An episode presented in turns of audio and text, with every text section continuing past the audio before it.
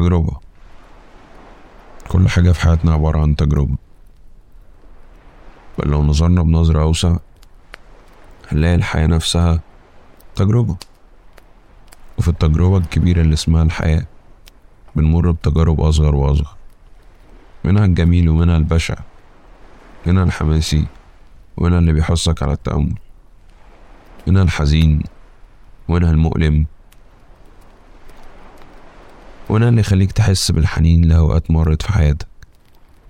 وحتما إن كل التجارب أو بعضها درس ممكن نتعلم منه حاجة.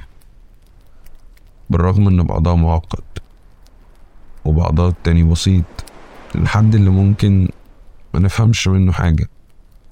بسيط لدرجة إن هو ما يستاهلش التأمل. بس ده مش حقيقي. لأن في عمق كل شيء معنى نفهمه. ومغزى من مرورنا بيه.